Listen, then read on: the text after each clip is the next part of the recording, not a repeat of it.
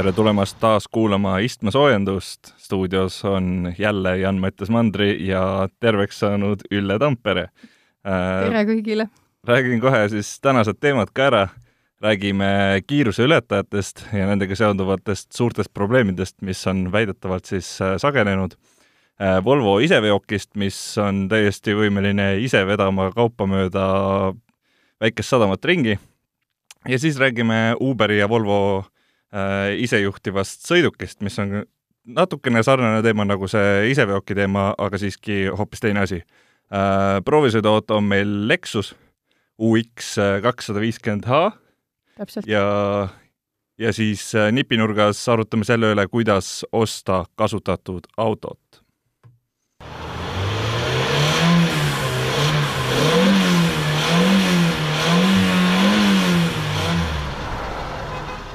ja alustame siis kiiruseületajatega, et äh, Ülle, teed siis äkki väikse sissejuhatuse, et mis see teema siis on? jaa, ma küsisin PPA-lt, et kuidas on läinud mobiilsete kiiruskaamerate testimine ja milline on äh, kiiruseületajate saak linnas ja maanteel. ja kui mobiilsete kiiruskaamerate puhul nad ütlesid, et neil veel statistikat ei ole, sest testperiood alles käib, muuseas ma täna siia tulles Nõmmelt nägin ka ühte mobiilset kaamerat teel et oli ilusti silt väljas, et mõõdetakse ja siis seal nad istusid.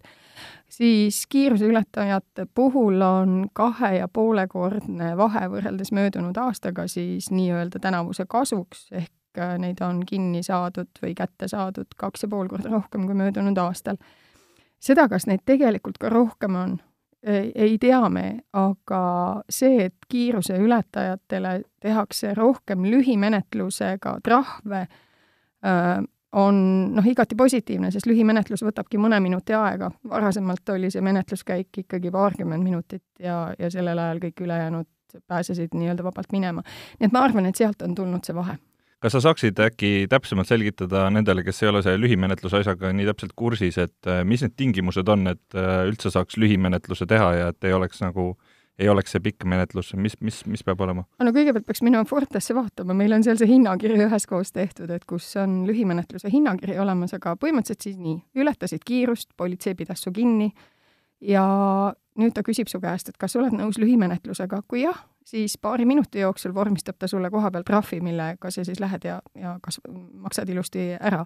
kui sa ei ole sellega nõus, siis tuleb äh, pikk menetlus ja see võtab aega ja on täiesti mõttetu. ja tõenäoliselt sa sellega õigust ei saa, sest äh, mõõteriistad on täpsed. aa, muuseas, üks tore asi oli veel, et äh, palju räägitakse sellest, et kehva ilmaga ei saa kiirust mõõta ja noh, et võib üle lasta. ja siis politseist oli see vastus, et ahaa, et lootke ja unistage, et see nii tegelikult ei ole, et tänapäeval on need kiirusemõõtjad ikka päris heal tasemel, nii et ei vihm ega lörts ega udu ei tee halba samas nad vist viitasid tegelikult sellele, et mingite teatud, teatud instrumentidega siis äh, võib-olla ei ole ikkagi võimalik kiirust mõõta, et nad küll ütlesid vist, et äh, kiiruskaamerad on võimelised mõõtma, nii palju kui ma aru sain, kas ma sain õigesti aru? ei, see oli väga diplomaatiline vastus, aga noh, mu oma kogemus ütleb ka seda, et lootust ei ole, et kaamera igal juhul teeb pilti ka väga kehva ilmaga. aga võib-olla siis on need äh, käest äh, võetavad need kiirus mõõdikud, et need ei võta siis ära. sa mõtled föönid või? ma ei oska selle üle arutleda, ma tean seda, et äh, kui statistikat vaadata, siis ka koera ilmaga tuleb päris korralikult neid trahve, nii et äh, see lootus on asjatu no aga lähme siis järgmise teema juurde ja ma juhataks selle sisse niimoodi, et see Volvo iseveok kindlasti trahve ei saa, ma vaatasin enne siia tulekut täpselt veel videosid ja ma lugesin äh, pressimaterjale ka üle ja seal oli kirjas, et et see veoki kiirus on hästi minimaalne. Ja ma vaatasin videotest, et ta ikkagi korralikult venib ka nagu tigu, et äh, küll oli välja toodud, et see pluss peaks olema just see, et see töövoog nii-öelda on ühtlasem ja, ja ei ole nii palju mingit pidurdamist ja kiirendamist ja et ta rahulikult veab need asjad kohale. aga no reaalsuses mulle videotest tundus küll, et see on ikka rohkem niisugune publicity stunt, et, äh, et ega see ilmselt seda tööd märkimisväärselt ei kiirenda ilmselt esialgu mitte, aga vaata, selle masinaga on nii, et kuna ta tööd sai, siis selle tõttu, et tal ei ole seda tööaja piirangut, ta ei küsi süüa, ta ei tee suitsupause, isegi kui ta venib, siis kokkuvõttes on ta tõenäoliselt efektiivsem kui mis tahes inimjuht seal autoroolis. aga see masin iseenesest näeb nii naljakas välja, et mulle ta meenutab seda robot, äh, niidukit, vaata mõtlen, et nad võiksidki teha mingi sellekujulise robotniiduki ka ja mis ühtlasi veaks näiteks mul õue peal puid.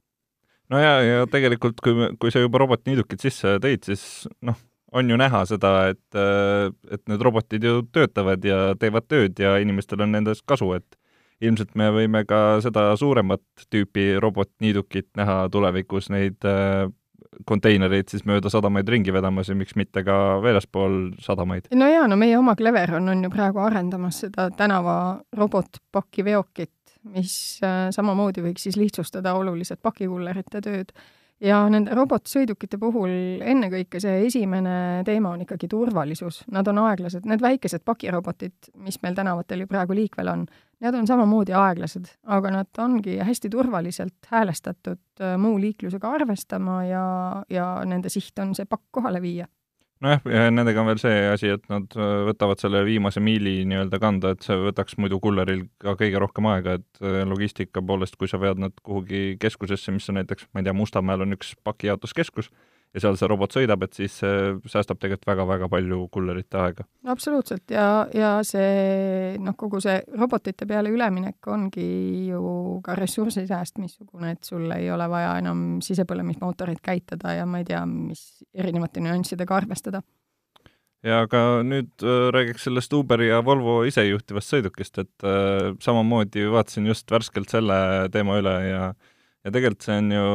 Volvolt on ainult autoplatvorm seal, et äh, see on ikkagi Uberi enda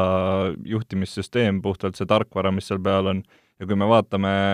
neid isejuhtivaid sõidukeid, siis peamine asi nendega on ikkagi tarkvara, et kui me vaatame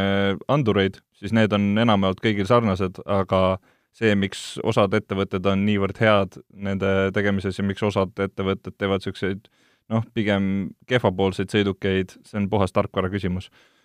no Uber ilmselt valiski väga konkreetselt ka sellise partneri, kellel on olemas usaldusväärsus, mille baasile siis oma isejuhtivaid tehnoloogiaid äh, panna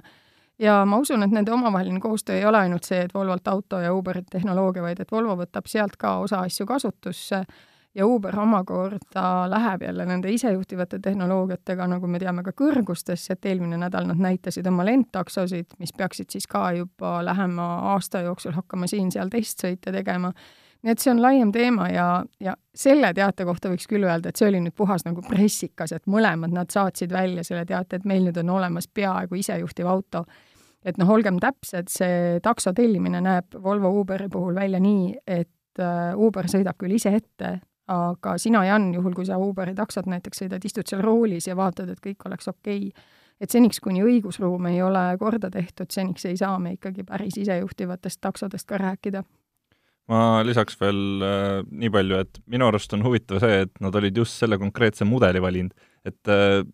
loogilisem tunduks ju see, et võtad nagu väiksema auto ja seda on lihtsam lihtsam sõidutada, aga XC üheksakümmend on pigem ikka suurepoolne auto, et kui me vaatame teisi autosid ka, mis sõidavad, siis nad on valdavalt ikkagi mingid niisugused kompaktsemad masinad, et selles mõttes on huvitav see valik, et nad just selle valisid. seal on nagu ilmselt mitu põhjust, et üks on see, et just nimelt see auto on nii suur, et sinna saab selle tehnoloogia kenasti ära mahutada, ja teiseks XC üheksakümmend on Volvo esimene mudel, mis tuli uuel platvormil nüüdseks juba vist viis aastat või isegi natuke kauem aega tagasi ja kuna see arendustöö on käinud ka umbes täpselt nii kaua, siis on üsna loogiline, et nad võtsid selle auto.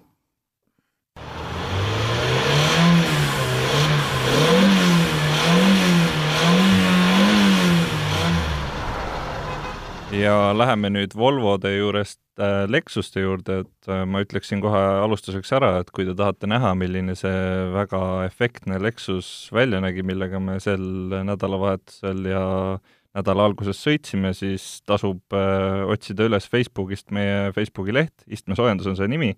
ja, ja sinna me üritame siis jooksvalt panna ka äh, pilte ja mõtteid ja mida iganes seoses sellega, mis autodega me parajasti sõidame. ja aga see on Lexus UX pisikene linnamaastur, millega me sõidame, et ta ei ole lihtsalt Lexus, vaid et nüüd siis esimene Lexuse mudelivalikus, mis peaks kõnetama just nimelt sinusuguseid noori ja minusuguseid pereemasid nii, mina olen igatahes kõnetatud äh, pisut, aga pisut ei ole ka, et äh, ma lugesin täpselt samamoodi enne seda, kui ma auto võtsin äh,, ma lugesin selle kohta ja lugesin täpselt sedasama juttu, et see peaks kõnetama minusuguseid. Äh, noh, ma ütlen ausalt, sajas natuke lootused üles, aga lõppkokkuvõttes oli tegelikult kõik ikkagi hästi. et äh, mis sa ütleksid, mis on kõige parem asi selle konkreetse Lexuse juures? Ma jään päris pikalt mõtlema, ilmselt on väljanägemine ja selle auto üleüldine olemus, et ma kirjutasin eile just ka Lexusest natuke pikemalt, et Lexuse saamisfilosoofia või loomisfilosoofia siis kätkeb ennast, endas pikaajalisi kultuuritraditsioone ja selles autos on see kõik olemas. et kui sa vaatad äh, detaile ja viimistlustaset, siis äh,, siis see on kahtlemata samm kõrgem kui äh, samas klassis konkurentide oma. aga kui sina varasemalt oled nurisenud mingite asjade üle ja mina olen siis kiitnud näiteks, ma mäletan Toyota Corolla, siis Lexus UX-i puhul ma pean ütlema, et mul on mitu sellist äh, asja, mis mind täiesti sakiliseks ajasid ja esimene on see kõrvalistuja istmel istumine, kus äh, mul ei ole tegevust, vaata, ma vaatan aknast välja. me eile Ukuga sõitsime nii, et, et vahetasime poolel teel Haapsallu, vaatasime, et kumb võidab kütusesäästus. tema muidugi võitis, minul oli maanteesõit viis koma viis keskmine, temal oli viis koma kolm liitrit sajale. aga seal kõrvalistmel istumine oli minu jaoks üsna vaevarikas, me olime neljakesi autos, lastel taga oli palju ruumi ja minul ees ei olnud, ma konkreetselt tundsin ennast ahistatuna no rääkides, ma tuleks tagasi selle kütusekulu juurde, et äh, ilmselgelt mina selles võistluses kaotasin, mina sain vist seitse koma kolm. nagu kõikide sõitude keskmine või? no eks sa ilmselt vajutasid ka, aga sul oli seal see ASC nupp ja see no, tore sport. mul, oli jah, ma tahtsin, ma tahtsin proovida, et kuidas ta edasi läheb, kuna noh, see on see, mis äh, peaks minusugustele imponeerima, et ma lootsin, et ta läheb paremini edasi, isegi kui ma seal seda seal on see niisugune väike rullik, millega sa saad ta S pluss ja S äh, režiimi panna ja isegi siis oli noh, ainuke asi tegelikult, mis muutus vist oli see, et vedrustus muutus jäägemaks ja see oli kõik, et ma ei tundnud küll, et, et ta oleks nagu paremini edasi läinud selle pärast. ja, ja noh, see, kui me, kui me räägime sellest äh, elektroonilisest mootorihäälest, mille rooli kõrvalt nupult sisse saab lülitada, siis see oli muidugi täielik farss, et see kõlas täpselt niimoodi, nagu keegi oleks äh, tulnud siia stuudiosse ja teinud mikrisse.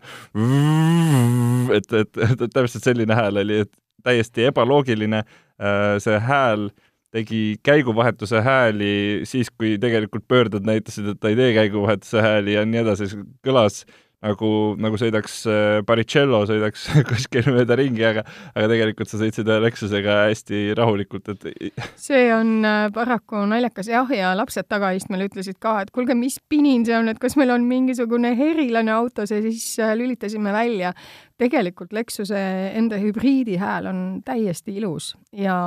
noh, linnasõidul ei ole seda üldse kuulda, siis on elekter, eks ole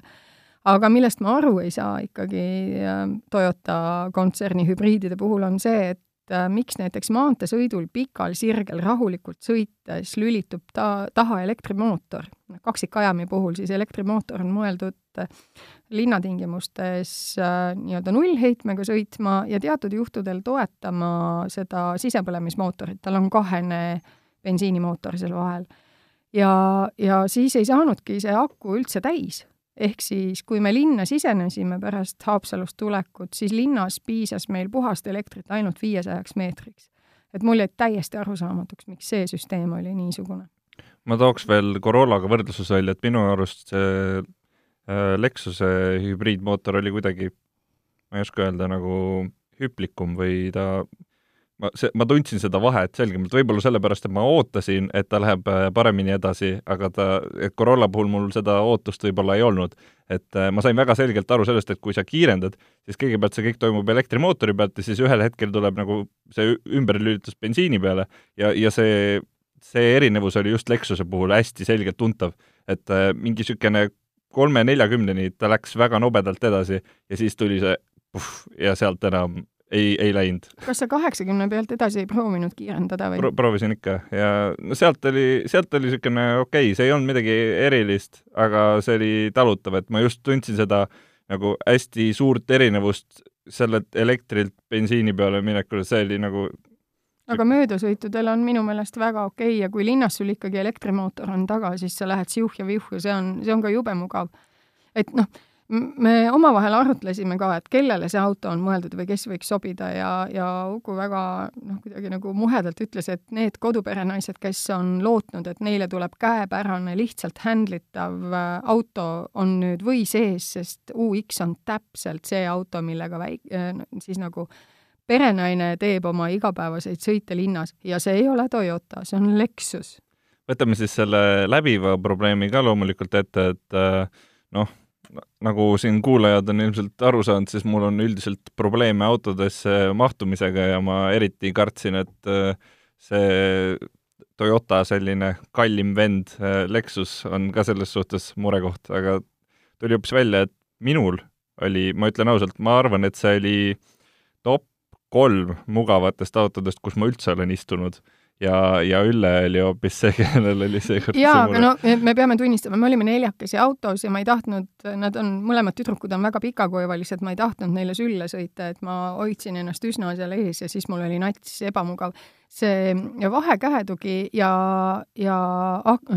ukse käetugi on minu jaoks natukene liiga madalal, et ma peaksin tooli alla laskma aga mulle näiteks juhi kohal meeldib sõita ikkagi küllalt kõrge isteasendiga, et mul on istmenurk on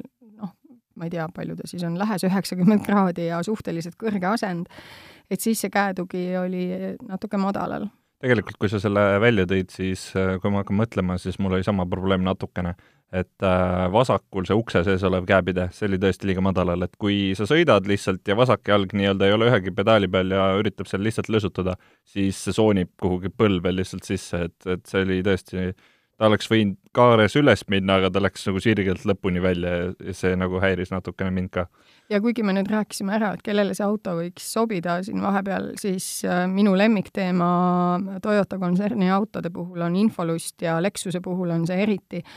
tahaks öelda siinkohal, et tegu on väga turvalise autoga ma ei kuula selles autos mitte midagi, ma panen äh, kaardi ette jooksma endale, äh, siis on see esiklaasi näidik, eks ole, kust ma näen kiirust, lülitan kohanduva kiirushoidja peale ja põhimõtteliselt sõidan vaikuses, sest selle infolustiga mina toime ei tule. mina masohhistlikult proovisin ja see oli tõesti masohhistlik kogemus, et äh, kõik toimub nii ebaloogiliselt, millegipärast näiteks äh, kui sa telefoni režiimi paned, ehk siis sinna, kus sa tahad helistada, siis sa ei saa otsida kontakte sealt niimoodi noh, numbrite järgi niimoodi, nagu tänapäeval muidu saab, et kui sa tahad näiteks K-d, siis sa vajutad number viit ja siis see on noh, ühesõnaga sealt ei saa nimesid otsida. Äh, ja, ja teine asi on muidugi see touchpad, noh, ta on niisugune pool puuteplaat, pool nupp ja ta käitub vahepeal nagu nupp ja vahepeal nagu, nagu puuteplaat, et sa ei, sa ei saa aru, millal see muutub, et ilmselt see äh, on äh, harjumise asi, aga, aga mul oli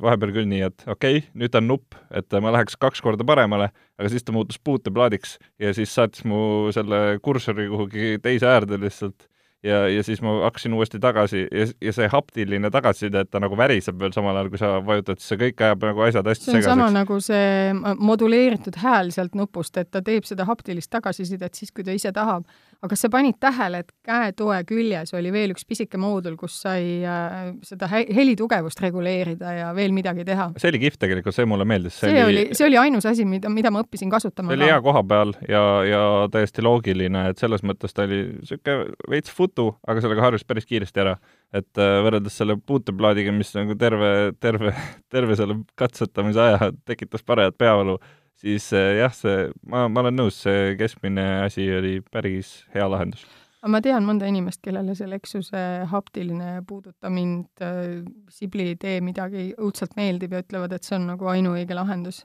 mina lihtsalt ei ole see inimene ja ja samas mul on see põhjendus ka, et autos ei peagi kõrvaliste asjadega tegelema, et mulle täiesti sobib see, et mul on kellad viled armatuuris ja ma ei näpigi seda infolusti. Äh, üks asi veel, et äh, räägiks sellest hinnast, see oli minu jaoks nagu meeldiv üllatus, eriti arvestades seda, et just äh,,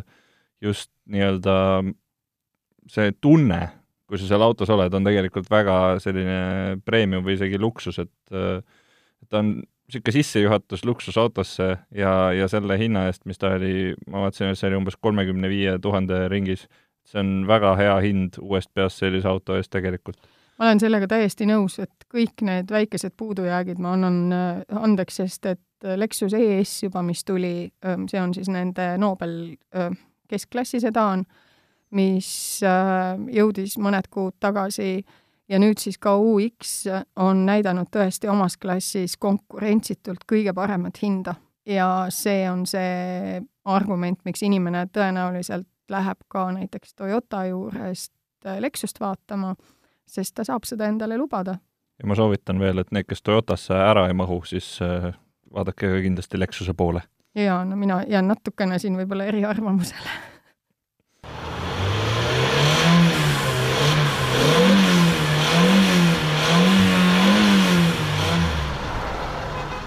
ja nüüd igikestev teema, kuidas osta kasutatud autot. Äh, mina kui keegi, kes on hiljuti võrdlemisi ostnud endale kasutatud auto, tahaksin esmalt öelda äh, ühe asja. ära osta kasutatud autot Eestist.